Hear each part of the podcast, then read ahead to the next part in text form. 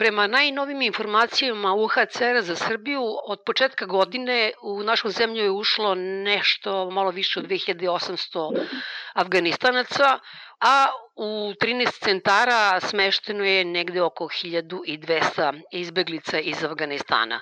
I prema navodima UNHCR-a trenutno se ne očekuje povećan dolazak afganistanskih izbeglica u Srbiju.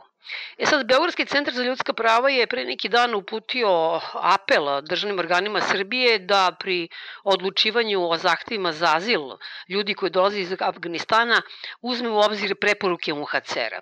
Anje, ja za početak molim da nam kažete o kojim preporukama se tu radi.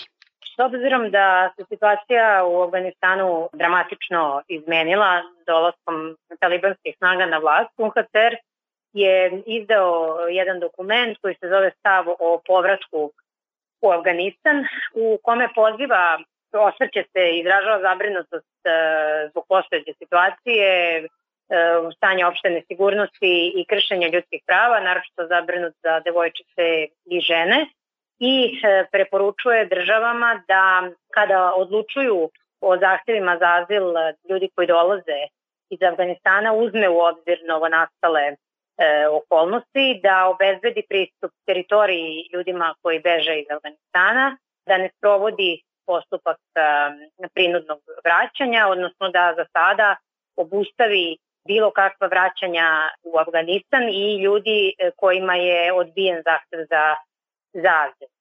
Razumem ovu formulaciju UNHCR-a da se trenutno ne očekuje veći priliv izbeglica iz Afganistana, mm -hmm ne samo u Srbiju, nego inače ovamo na Balkanskoj ruti, zato što je tamo trenutno još uvijek haos, mislim. Ali je nelogično ne očekivati zapravo da ćemo u narednim mesecima imati veći priliv ljudi koji beže iz te zemlje, zar ne?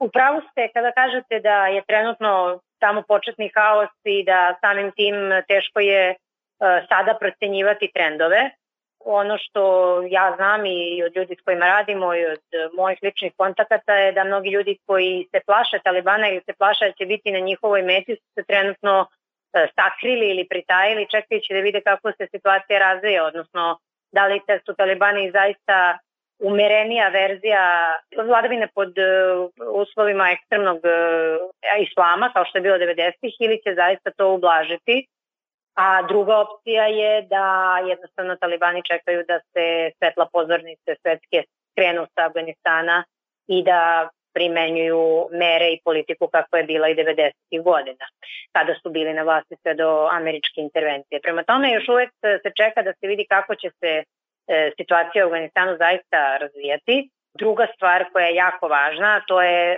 evropski kontekst Evropa, odnosno Evropska unija nije ista kao što je bila 2015. kada se dogodio masovni egzodus pre svega Sirijaca, onda i Iračana. Tada je Evropa, pre svega Nemačka i sa kancelarkom Merkel na čelu, e, rekla izbjeglicama da su dobrodošle.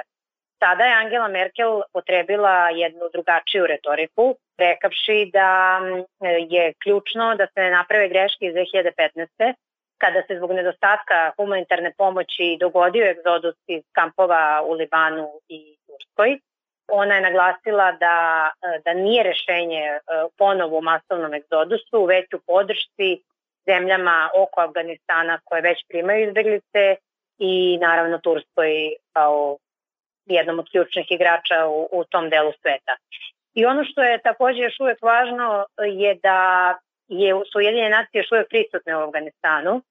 Kao što sam rekla, talibani za sada pokazuju umerenije ponašanje e, nego što je to ranije bilo, tako da se međunarodnoj zajednici za sada dozvoljava da ostane ukoliko ona to želi, uključujući i pismenu izjavu koja je poslata UNHCR-u gde im se dozvoljava da, da ostanu da rade u Afganistanu kao važnom faktoru u regulisanju humanitarne krize. Opet kažem, još uvek je rano, da bi se video da li su stvarne namere Talibana da imaju umereniji pristupi prema međunarodnoj zajednici ili je ovo samo jedna jedan inteligentni manevar da se, da kažem, svetska javnost anestezira posle ovakve promene do, i da nakon toga nastupi vladavina pod pravilima radikalnog islama. O tome ćemo govoriti narednih meseci. Sada malo da se vratimo na činjenicu da su Afganistanci najbrojnija migrantska populacija na Balkanskoj ruti bili i do sada. Jeli. Računa se da je Tokom prošle godine i početkom ove godine praktično 30.000 Afganistanaca prošlo kroz teritoriju naše zemlje i da su oni najbrojnija populacija u ovim centrima prihvatnim u Srbiji. Taj ogroman broj ljudi, Afganistanaca koji je prošao ili koji je ušao u Srbiju, onda dramatičan pad e, ljudi koji su dobili status izbeglica. Koliko sam ja mhm. videla, vi ste nam naveli negde da je ukupno 300 državljena Afganistana podnelo zahtev za azil, a da je status izbeglice dobilo za četiri godine njih 17. Mislim, šta se tu dešava? Pa na nivou statističke greške je broj ljudi koji su dobili status e, izbeglice u Srbiji. Da, upravo ste, Afganistanci jesu najbrojnija grupa u izbjegličko-migrantskoj populaciji. Trenutno ih je u Srbiji oko 1200 i sa tom brojkom čine skoro trećinu oni koji su smešteni u zvaničnim državnim kapacitetima. 27 e, državljana Afganistana je do kraja prošle godine dobilo azil u Srbiji, dok je ove godine njih sedmoro e, samo podnelo zahtev za azil. Postoji više faktora koji na to utiče. Ljudi koji su pošli iz Afganistana krenuli su u zapadnu Evropu. Srbija nije za njih e, zemlja u kojoj žele da ostanu. Znači, to je jedan faktor. A drugi faktor je definitivno i taj da jednostavno sistem azila i integracije u Srbiji nije toliko razvijen da bi uopšte primio veću grupu ljudi i kvalitetno obradio njihove zahteve za, za azil. Šta praktično to znači? Sistem azila i uopšte koncept ovakvih migracija je za Srbiju nov Srbija ima veliko iskustvo s izbegličkim talasima, ali pre svega e, svog naroda. Da, da. Ovo je za nas nešto sasvim novo u poređenju sa postkolonijalnim društvima, odnosno državama koje su bile kolonijalne sile i koje se sa migracijnim tokovima ovog tipa voljno i nevoljno suočavaju i, i nose već decenijama. E, tako da postupak azila jeste napredovo, ali postoje još uvijek značajne nedostaci Jedno od toga je rad kontrolnih organa u postupku azila koji ne odlučuju u meritumu. Znači, ne odlučuju o suštini predmeta, već ne prinačujući odluke e, organa koji je ispod njih, već u najboljem slučaju vraćaju na ponovno odlučivanje. Organi u postupku azila su tri institucije, Kancelarija za azil, Komisija za azil i Upravni sud. Komisija za azil i Upravni sud, kao što sam rekla, e, redko ili nikada ne odlučuju u meritumu. Tako da 95% azila je dodelila Kancelarija za azil kao prvostepeni organ. Ono što je isto veoma važno, to je kvalitet odluka drugo, e, Komisija za azil i Upravnog suda, koja nije dovoljna, ne cene se dokazi na odgovarajući način, odnosno ne ispituju se svi dostavljeni dokazi, ne koristi se mogućnost da se saslušaju tražioci azila, što i komisija i upravni sud mogu da učine, da vide osobu e, o čijem zahtevu odlučuju. Treća stvar je i dužina postupka, Kancelarija za azil i upravni sud e, u tom smislu imaju duži vremenski period u kom odlučuju, dok je komisija tu efikasnija. Međutim, efikasnost e, nije mnogo važna ukoliko kvalitet odluke nije dobar, a u ovom slučaju, kad se radi o komisiji za azil, nije zadovoljavajući. Koliko traje odlučivanje otprilike? To varira, u principu negde do tri godine. Tri godine? Da, ima, imali smo do slučajeva gde se ovaj, dođe do upravnog suda i slučajevi traju i, i toliko. Nije Srbija po tome jedinstvena i imaju slučajeva i u Nemačkoj da se odlučuje i po više godina, ali je stvar u tome da nije to uvek e, osnovano da, da toliko traje. Vraćam se samo još na jedan podatak koji ste vi iznali, a to je da je dakle, u Srbiji od 2008. do, do kraja 2020. znači govorimo o punih 12 godina, odobreno ukupno 194 zahteva za azil. Ja sam to podelila, to je otprilike 16 godišnje. To je ipak, bez obzira što znam da niko njih nije lud da živi u Srbiji i da se nastani tu, ali je ipak to jako mali broj, čini mi se. To jeste mali broj ljudi, pogotovo što mnogi od tih ljudi su već Srbiju napustili Tako da ta brojka od skoro 300 ljudi nije, ne podudara se sa, sa stvarnim brojem ljudi koji su ovde ostali da žive. Kažem, faktori zašto toliko malo odobrenih azila ima su brojni. Neki ljudi odustaju od postupka azila zato što shvataju da mogu da idu dalje, gde je bolje, a neki odustaju zato što se u toku postupka razočaraju, frustriraju, predugo čekaju, a de facto jesu izbeglice i njihovi slučajevi ne bi smeli da budu uskraćeni za, za dodeljivanje međunarodne zaštite. Znači, zaista razlog te male brojke se ne može svesti na jedan faktor.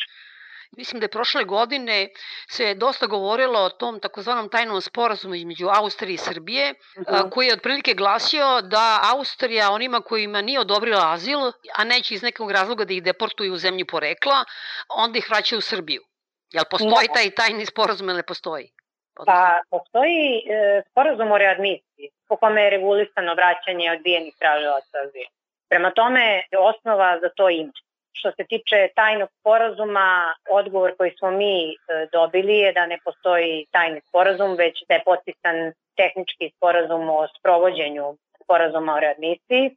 Nismo dobili dalje detalje. Tako da ono što je problematično je da Srbija konstantno migracijonu politiku vodi na netransparentan način, odnosno da se iza svih tih e, navoda i špekulacija stavlja jedna stavlja jedan veo tajne i kada se pričalo o tom tajnom sporazumu i o potpisivanju, teh, da li tehnički, da li tajni, kakav je, nije bilo od strane državnih službenika jasnih objašnjenja, nije bilo debate, nema stručnih debata gde će neko građanima da objasni o čemu se radi, šta je potpisano i na jedan vrlo jednostavan način, kažem, eto da im objasni šta je sporazum o readmisiji, šta tu piše, na što se Srbija zavezuje, kako izgleda postupak readmisije, kako ti ljudi mogu da se vraćaju i pod kojim uslovima moja analiza je da se tema migracija tendencijozno drži ispod političkog radara. Da porazgovaramo malo o trenutnim uslovima pod kojima su smešteni ljudi u ovim centrima zvaničnim. Druga priča su ovi koje vidimo po beogradskim ulicama i, i ulicama drugih gradova u Srbiji. Šta su vaše glavne primetbe kada je u pitanju ophođenje države prema ljudima koji su smešteni u ovim centrima? Ono što mi stavljamo već dugo vremena kao zamerku je da su uslovi u smeštenim kapacitetima, državnim smeštenim kapacitetima neujednačeni. To nema veze sa COVID-om, to ima veze sa neujednačenim standardima smeštaja, tako da u nekim centrima imate vrlo pristojan smeštaj, zadovoljavajući nivo higijene, zadovoljavajući broj ljudi za toliku površinu, prevoz do lekara ili pristupnost lekara, dok u drugim centrima su uslovi sasvim drugačiji mogu se okarakterisati kao nehumani. Što se tiče pandemije, glavna zamerka koju smo mi imali je bilo 24-časovno zatvaranje ove populacije u centre. To nije bilo rezervisano samo za njih, pošto su i naši stariji sugrađani isto bili u kućnom pritvoru, a posle toga, nakon što je, što je zabrana kretanja, šesto i vanredno stanje bilo ukinuto, 7. maja je Ministarstvo zdravlja donelo naredbu kojom se zabrana kretanja za uh, ovu populaciju, znači izbjegličko-migrantsku smeštenu u centrima za azil i prihvatnim centrima, produžava.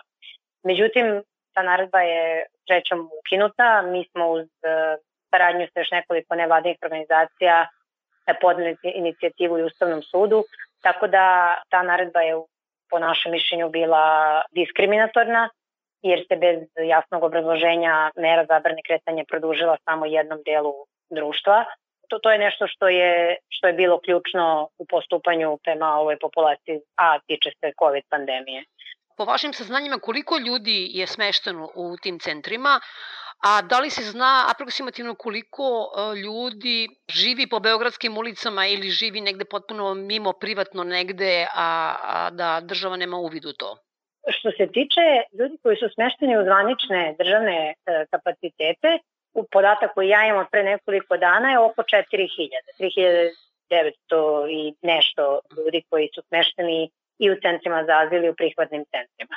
Vidi se da je povećan broj ljudi koji su smešteni u centrima u pograničnim delovima, to je primetan trend i Što se tiče ljudi koji borave van e, zvaničnih e, državnih kapaciteta, to je jako teško proceniti, ali obično se procenjuje da ih je uvek jednako koliko je u tom trenutku smešteno u institucijama. Najviše ljudi koji borave van centara su naravno u pograničnim zonama na granici sa Mađarskom, e, Hrvatskom i Bosnom, a sve više u stvari već neko vreme i sa Rumunijom to su ljudi koji pokušavaju da prelaze granice, pa onda e, se vraćaju u centre, ponovo odlaze, ako uspeju da pređu granicu, koji pokušavaju da pređu i po nekoliko desetina puta. I ljudi koji borave u, u, na ulicama Beograda, tražeći krijumčare, od kojih dobiju dezinformacije, da ne idu u centre, već se smeštaju po nekim da kažem tajnim lokacijama, odnosno ilegalnim krijumčarskim lokacijama. Prema tome to su dve tačke gde je najviše ljudi koji borave na otvoren. Beograd i pogranične zone. Da se vratim na probleme ovih kojima je najteže zapravo, a to su deca bez pratnje roditelja, odnosno maloletnici, najviše afganistanske dece. Da li država dovoljno čini da tu decu zaštiti koliko je moguće? Tačno je da većina dece bez pratnje dolazi iz Afganistana i nešto iz Pakistana, to jesu skoro uvek dečaci. Posebno su izloženi uticaju krijumčara, s obzirom da putuju sami, samim tim su dvostruko renjivi i na fizičko i seksualno nasilje. Pozitivan pomak je napravljen kada su centri, dva centra za azil posebno opredeljena za, samo za smeštaj e, maloletnika, pored e, institucija socijalne zaštite koje takođe smeštaju maloletnike bez pratnje. Međutim, kapaciteti tih institucija su mali i ono što je jako važno je da čak i kada ima mesta i kada se deci ponudi da se smeste u uh, ustanove socijalne zaštite da se izvuku iz centara, na primjer stižu u Preševo, tu uvek ima nekoliko deca bez pratnje, da Preševo se nikako ne može smatrati centrom, bilo koji zapravo centar za azil u kojima postoji mešovita, mešovita grupa, e, ne može smatrati adekvatno za smešta deca bez pratnje jer su izloženi odraslima koji su sami, krijumčarima, krim, ljudima sumljivog ponašanja i, i delatnosti i onda deca dolaze tu i e, nemaju poverenja u institucije, već biraju da ostanu u prihvatnim centrima ili centrima za azil sa odraslima, sa krijumčarima, sa onima koji uspevaju da ih ubede da im je tu bolje.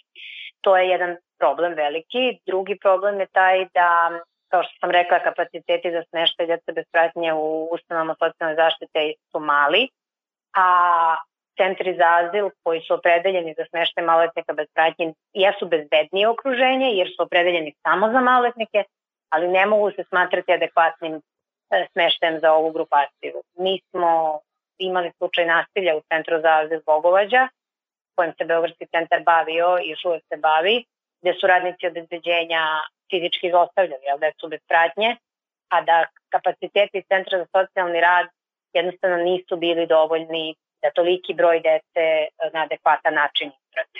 Kapaciteti centara za socijalni rad, naročito u malim mestima kojima su prihvatni centri i centri za za migrante, nemaju kapaciteta da pokriju ni svoje uobičajene delatnosti, a kada im je dodata obaveza da se brinu zakonska obaveza o deci bez pratnje, nisu pojačani njihovi kapaciteti, već je, su obaveze dodate samo na već prenapregnute kapacitete. Da li vi imate nekakva saznanja ili da li se vama žale na ponašanje recimo policije u Srbiji? Od 2015. na ovamo zaista ogroman broj ljudi je prošao kroz Srbiju, ta cifra je preko milion.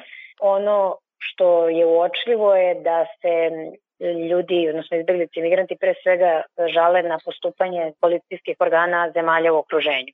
To je ranije pre svega bila Bugarska i Mađarska, a sada je aktuelnija postupanje hrvatske policije, a sada već dosta pritužbi stiže i na rad rumunske policije. Veliki je broj prisilnih e, povrataka, odnosno takozvanih pushbackova iz zemalja oko Srbije na našu teritoriju i od strane i rumunske i mađarske i hrvatske policije uz korišćenje sile, a što se tiče e, srpske policije bilo je pritužbi, ali s obzirom na broj ljudi koji je prošao i s kojima smo mi razgovarali, može se okarakterisati da je to bilo na nivou incidenta.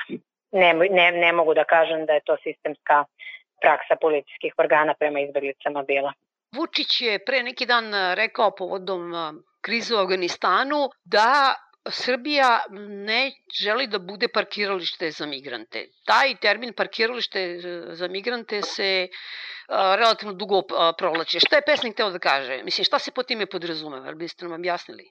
Malo mi je teže da tumačim ovaj, izraz da. predsjednika Vučića, s obzirom da ono što je meni vrlo simptomatično u njegovim izjavama koje se tiču migracija, da su vrlo umerene kada poredite njegovu standardnu retoriku, način govora, ophođenje i sistem vladanja na druge teme, sa temom migracija koja je vrlo pogodna za manipulaciju, agresiju, e, traženje spoljnog neprijatelja, uočit ćete ogromnu razliku. Iz čega zaključujem da postoje neki drugi motivi koji nama nisu poznati, tako da ne bih nagađala, ali svakako postoji jedna tendencija umerenih izjava što se tiče e, i predsednika i ljudi iz njegovog okruženja kad su migracije u pitanju. Parking za izbjeglice je jedna ružna formulacija. Ono što ja mogu da kažem je da i pozicija Srbije takva da se e, odavde prelazi u Evropsku uniju, znači ovo je prva zemlja kada idu balkanskom rutom, znači poslednja zemlja na granici Evropske unije, a ljudi više ne mogu tako lako da pređu granicu, to je odavno. Tako da je pozicija Srbije takva da su ljudi ovde na neki način zaista zaglavljeni. Jer oni u Srbiji ne žele da ostanu, i kao što sam rekla da ponovim, niti je sistem azila integracije toliko razvijen da bi mogao da podrži veći priliv, niti mogu da odu. Tako da vrlo je specifična i pozicija Srbije na balkanskoj ruti i vrlo različita od e, zemalja koje okružuju, koje izbjeglice migranti prolaze pre dolaska u Srbiju. Ja ne očekujem da će se politika Srbije naglo menjati. Srbija će pratiti politiku EU koja nastoji da onemogući migracije. Srbija to ne radi tako grubo kao Mađarska, ali na granici Srbije i Makedonije je podignuta žica, što pokazuje definitivno tendenciju u promeni politike Republike Srbije prema migracijama, koja je do sada bila, što se tiče prolaska, zaista tolerantna. Srbija imala jedan humanitarni pristup da se ljudima dozvoli da prođu kroz Srbiju, da ovde se odmore, nahrane, leče, bez jasne naravno i preterano iskrene namere da im ponudi da ovde i ostanu čak i kad bi hteli.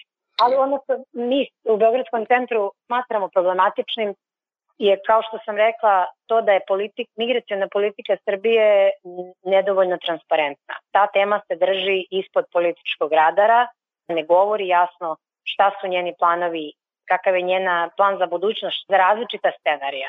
To sve proizvodi paranoju, špekulacije koje onda i kod e, stanovništva koje je bilo tolerantno prema ovoj populaciji izaziva sumnju, izaziva teorije zavere, da postoji neki tajni plan za naseljavanje migranata ili slično. Tako da ono što bi bilo jako važno je da ova tema, pošto je definitivno postala deo naše stvarnosti, dobije više mesta u medijima, naročito na RTS-u, gde bi se govorilo stručno sa podacima o ovoj temi, da bi se predupredile manipulacije brojkama, da bi se predupredile teorije zavere, a onda dugoročno i govor mržnje i netrpeljivost i netolerancija i tako dalje, koja kod građana Srbije stvarno prema ovoj populaciji nije postojala ni kad je postojao masovni priliv 2015. i 16. Tako da, po našem mišljenju, Dugoročno je ovo jako važno da se promeni. Da državni službenici, kao na primjer kad je bilo pitanje tog tajnog sporazuma, jasno kažu i obrazlože građanima o čemu se radi i na šta je Srbija zakonski obavezna. Anja, mnogo hvala na razgovoru. Hvala puno.